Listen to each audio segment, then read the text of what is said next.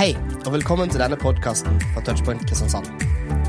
Denne talen er spilt inn på et av våre møter, som er hver torsdag klokka halv åtte. Det hørte Maria si det. Vi er i eh, taleserien 'Verden for dine føtter'. Og jeg skal tale om Guds vilje. Og Det er et veldig stort og, og vanskelig tema. Men jeg skal prøve å gjøre det så ryddig og forståelig som mulig. Men samtidig så tror jeg at eh, noen av dere har en sånn tankegang rundt det her som gjør at det jeg kommer til å si da, kommer til å provosere dere. Jeg tror at jeg kommer til å utfordre noen av dere. Og samtidig på andre sida så tror jeg at eh, kanskje ting kan bli litt enklere for noen av dere. Så jeg er i hvert fall spent. Og i mine forberedelser av talen så har jeg lest litt. Og har vist at man alltid skal vise til kildene sine. Og dette her er altså min kilde. Den heter Just Do Something. En fyr som heter Kevin DeYoung, en pastor i USA, skrev denne boka her. Sykt bra bok. Kan absolutt anbefale den. Koster den tre dollar eller noe på Kindle, så får du den rett på mobilen. Så kan du lese den her på bussen. Sykt greit. Yes. Jeg heter Jens. Jeg tar en master i noe som heter ledelse og meningsutvikling. Og jeg rekker å bli 24 år. Så jeg er i sluttspurten av denne masteravhandlinga. Så når jeg ikke jobber med den, så er jeg mye med min kjæreste Marte og slapper av. Ja, veldig fint. Så Så er jeg veldig glad i å lage mat. Og så bor jeg sammen med tre andre gutter som er veldig glad i at jeg er veldig glad i å lage mat. Det var de. Det er bra. Og så er vi her i Touchpoints. Og min tjeneste det er bl.a. sosiale medier. Så hvis dere har lest litt om meg i dag, her, så er det meg som har skrevet det, og det er jo litt kleint. Mm. Så kommer jeg fra Krembygda Hægeland. Og Hægeland, det er en liten sving, den her. Ca. fire mil nord for Kristiansand. Og hvis dere så det første klippet på den introfilmen, så var det Hægeland. Sykt fin bygd. På Hægeland så bor det ifølge Statistisk sentralbyrå 438 innbyggere som bor der og elsker bygda si. Og Jeg har hørt rykter om at det kanskje er noen fra Hægeland her i dag. Ja, to stykker. Det er bra. Det er bra. uh, yes. Og på Hægeland så har vi faktisk geofilteret på Snapchat. Skal vi se her? Ja, ja, ja. Og vi har faktisk en egen hashtag som er 'Vi har det best på Hægeland' med merch produsert. Det er ikke alle bygder som har. Og vi har det best på Hægeland med god grunn. For Hægeland er ei bygd med store fasiliteter. Vi har én butikk, vi har én bensinstasjon, og så har vi faktisk en vape-butikk som selger sånn e-sigaretter.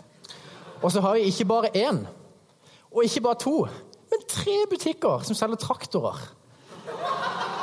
Vi har faktisk vært den bygda i Norge med flest traktorbutikker. Og så har vi jo liksom gamlehjem og litt sånne ting. Så bygda er på en måte perfekt hvis du vil bli håndverker eller jobbe i helsevesenet. Men jeg var litt annerledes. Jeg likte heller å tenke tanker enn å sveise benker og lage lenker. Det ble feil. Jeg prøver igjen. Jeg likte heller å tenke tanker enn å snekre benker og sveise lenker.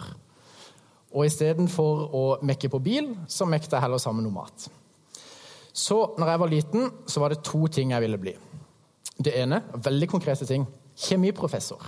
Jeg hadde sett på Newton. Det var sykt fett. Den andre tingen, programlederkokk. Sykt glad i å lage mat. Så, når jeg skulle begynne å finne ut hva jeg ville bli, og disse her valgene her, så fant jeg ut at når jeg skulle begynne å søke videregående, sånne ting, så var det så sykt mange valg jeg kunne ta. Det fantes så utrolig mange veier jeg kunne gå. Og ingen kunne gå de for meg. Og da sleit jeg litt med å velge, for jeg ville gå så mange forskjellige ting. Men ingen kunne gå de for meg. Ingen kunne ta valget for meg hvor jeg skulle gå. Så da ba jeg den bønnen her. Gud, vis meg den veien som du vil at jeg skal gå. Og Har du vært i samme posisjon? Har du opplevd det samme? Hvorfor ber vi Gud om at han skal åpenbare hans vilje for oss om hvilken studie vi skal ta, eller hvilken jobb vi skal ha, eller hvem vi skal gifte oss med? Yes. Først så må vi si noe om oss, vi som er i salen her, vi som er mennesker. Og det er det at vi er ikke konsistente. Vi er ikke stabile.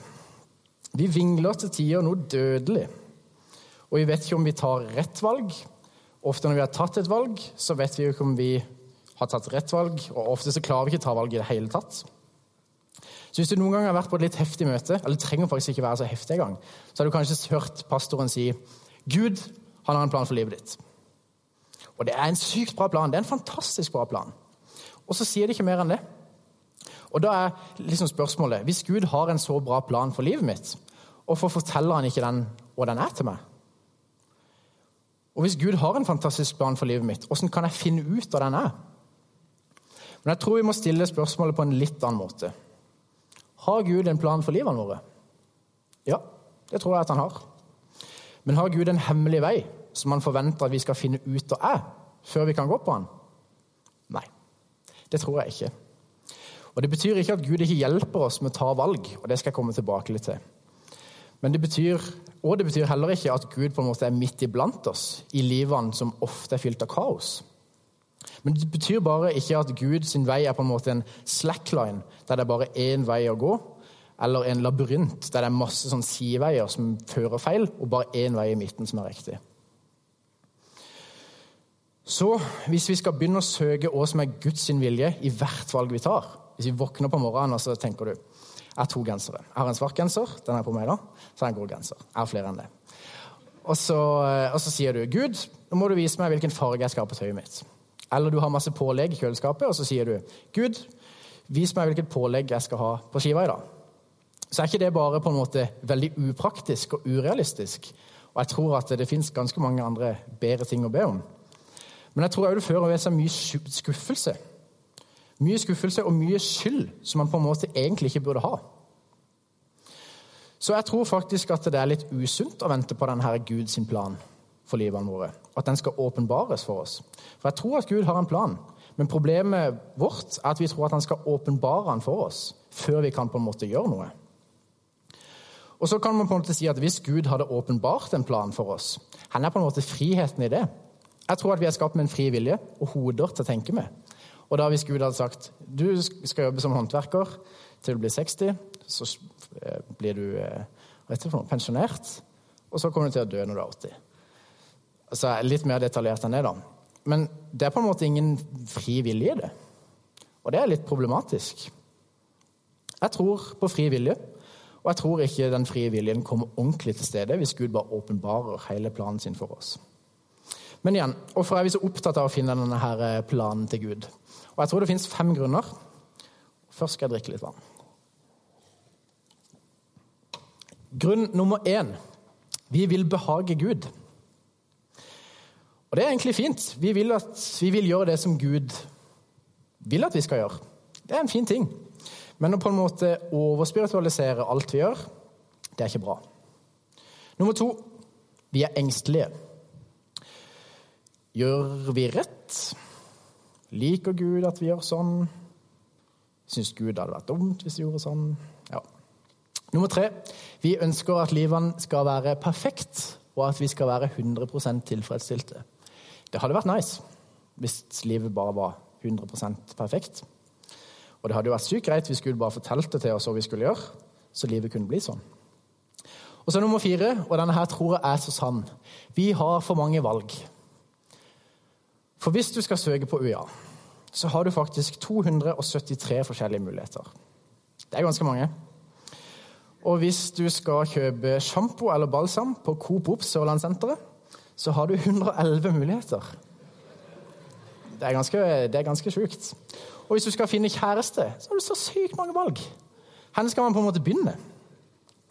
Hvis Gud bare kunne åpenbart det, det hadde vært så nice. Ok, Nummer fem. Vi er feiginger.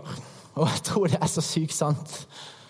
Jeg tror det er så sykt sant. For jeg vet ikke med dere, men hvis jeg tenker litt på hvorfor jeg ba den bønnen som jeg viste i stad, så tror jeg det er de to siste her. Har for mange valg og er feig. For vi vil ikke ta sjanser. Vi ber til Gud om at enten så må alt ordne seg, eller så må Gud forsikre oss om at alt kommer til å bli bra. Det er litt sant. OK, vi går videre. Jarle talte for noen uker siden over det verset her, at vi er skapt i ferdiglagte gjerninger. Og det tror jeg veldig på. Men jeg tror ikke disse her ferdiglagte gjerningene blir åpenbart før vi går i dem. Av og til tror jeg det kommer til å skje men veldig, veldig sjeldent. Av og til så kan man på en måte gå tilbake, eller se tilbake på ting som har skjedd før, og så si ja, jeg tror pine meg dette var Guds plan. Jeg tror Gud var med i det her. Men veldig sjelden blir dette her åpenbart før du går i det. Så Derfor legger jeg på en måte inn en liten stemme her, da, for at vi skal prøve å stoppe med å, Gud, med å be Gud å vise oss framtida, og heller begynne å leve her og nå. Ta valg her og nå. Fokusere på her og nå, og stole på at han har kontroll på tida som kommer. For hvis vi kan gå inn med tillit til Gud, at han har nei, kontroll for tida som kommer, så kan vi gå inn i den tida med tillit. Ikke fordi vi kjenner tida, men fordi vi kjenner Gud, og Gud kjenner tida. Og så er det noe jeg vil ta oppgjør med. Og det er at av og til så kan man oppleve at noen mennesker kommer til deg, og så sier de Gud har sagt til meg at du skal bli sykepleier. Og så kan man tenke OK. Eller at noen kommer og sier Gud sa at vi skulle gifte oss. Og det skjer. Og da kan man på en måte stå her og si å ja, Gud sa at vi skulle gifte oss. Fett. Gud kan jo, vet jo alt, så da får vi jo bare gifte oss. Men uh, det er på en måte litt problematisk, for hvis vi skal gifte oss, så er det på en måte jeg jo en del av det, og ikke bare du. Så får han bare sagt det til, til deg og ikke til meg. Men OK, vi får gifte oss. Og òg på helt andre sida at noen, Hvis du er i et kjæresteforhold, og så kommer kjæresten din og sier Gud har sagt at vi skal ikke være sammen lenger. Det er så sykt dårlig gjort.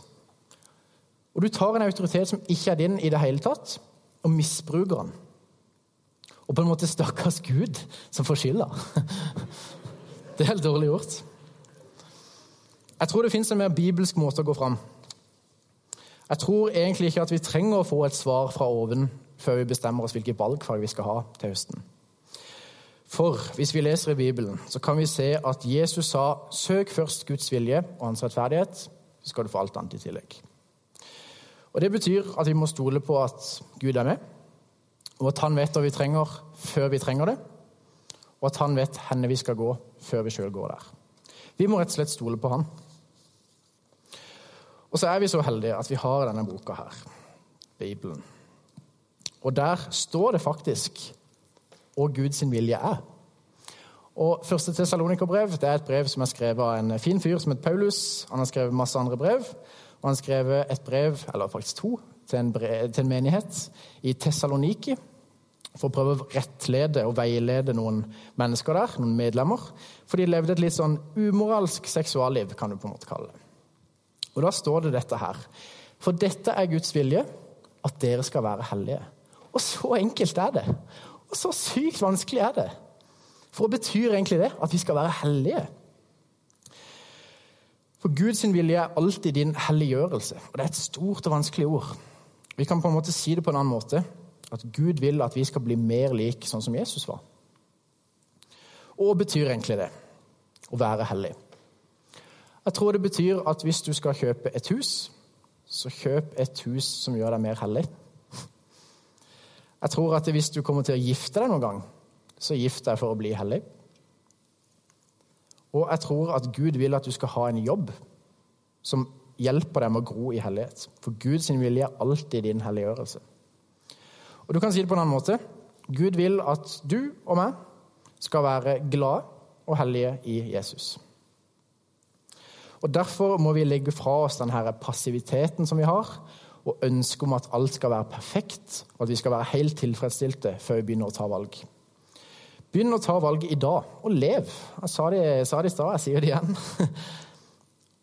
For hvis vi søker Guds rike og hans rettferdighet, så skal vi få alt annet i tillegg. Og da vil vi være Guds vilje. Så da er det bare å komme seg ut og gjøre ting. Rett og slett. Og noen av dere tenker kanskje nå at ja, Jens, bra. Kult. Du har snakka fint. Det er bra. Men jeg har lest Apostlenes gjerninger. Og i Apostlenes gjerninger så står det at Gud snakker til vanlige mennesker, akkurat som meg, og åpenbarer sin vilje. Og det skjer på spektakulære og ekstraordinære måter. Eh, da må jo Gud kunne gjøre det til oss òg. Og så kan man på en måte si ja, kjære imaginære samtalepartner på andre sida av scenen. Eh, det går for så vidt an at Gud gjør det, men det er jo litt som du sier, at det er på en måte en grunn til at det ble skrevet ned. For det er ekstraordinære måter, spektakulære måter. Så jeg avviser på en måte ikke at Gud kan gjøre det. men vi kan ikke forvente at han skal gjøre det. Og noen andre av dere tenker kanskje at ja, det høres greit ut. Bra. Det er sykt greit å slippe å be om eh, farge på genseren på morgenen. Men det betyr jo på en måte Jeg har fortsatt veldig mange valg, da. Hvordan på en måte forholder Gud seg til det? Hjelper han meg ikke i valgene som jeg må ta? Uh, og det tror jeg at han gjør. Og jeg tror at Gud er med å veilede oss, men jeg tror ikke Gud tar valget for oss. Og Jeg tror det fins et ord for denne her tilnærminga til Guds vilje, og det er det ordet her visdom. Det er et ganske gammeldags ord som ikke vi bruker så veldig mye. Men ja, vi skal snakke litt om det. Vi leser igjen fra Bibelen, og der står det det her. Skal vi se, jeg går litt til sides. Det står i ordspråkene 2, 1-6, og vi leser det sammen. Eller jeg kan lese det. Min sønn, om du tar imot mine ord og gjemmer budene mine hos deg, så ditt øre lytter til visdom, og du åpner hjertet for forstand, ja, om du kaller på innsikt og roper høyt etter forstand, om du søker etter den som etter sølv, leter etter den som, et, som en skatt, da skal du lære å frykte Herren, finne ut hva det er å kjenne Gud. For det er Herren som gir visdom, kunnskap og forstand går ut fra hans munn.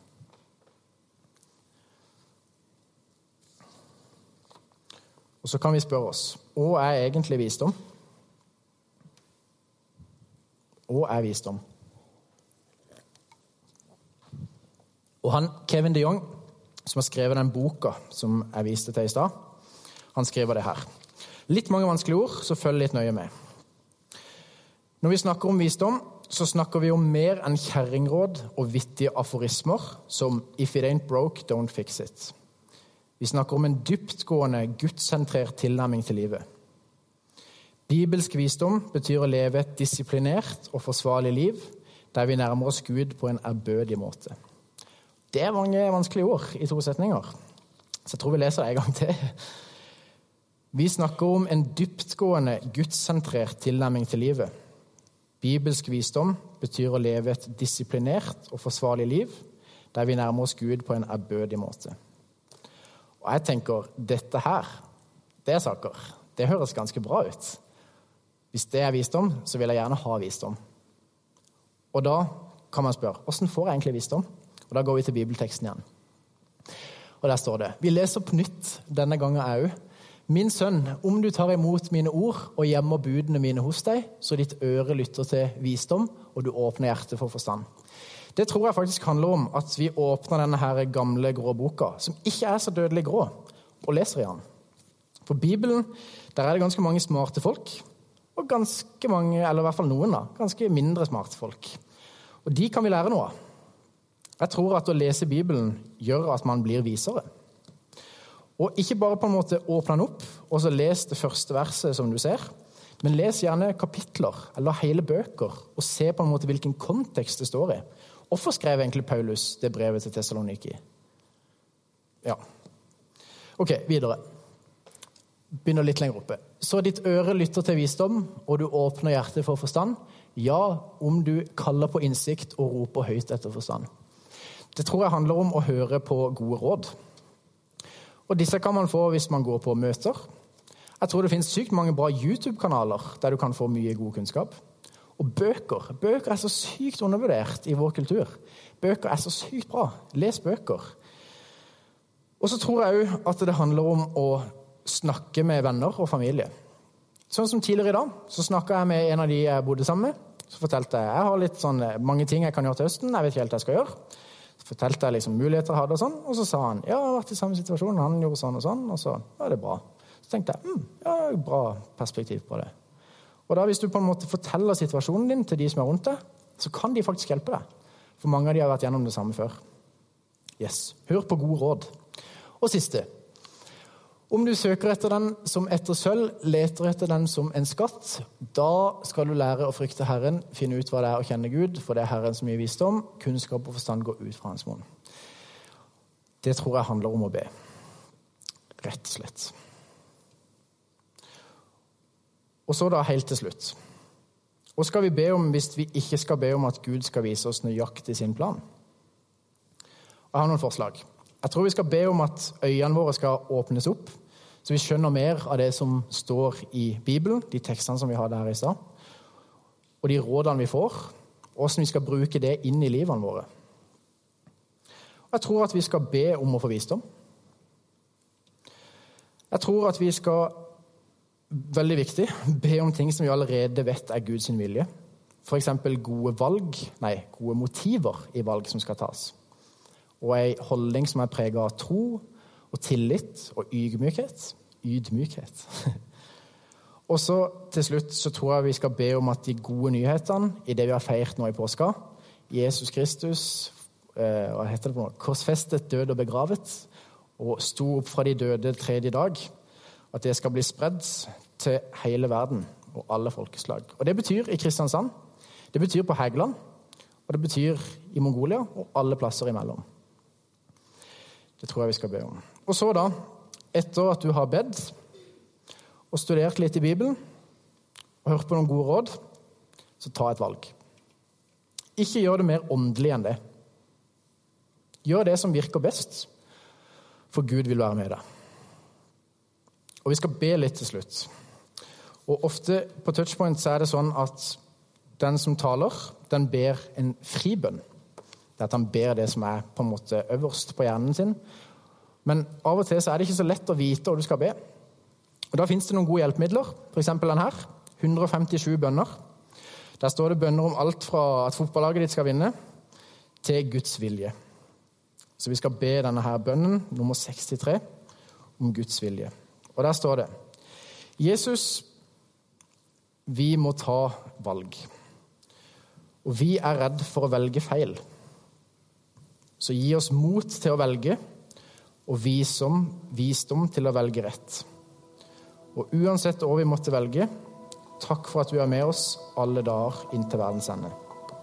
Amen.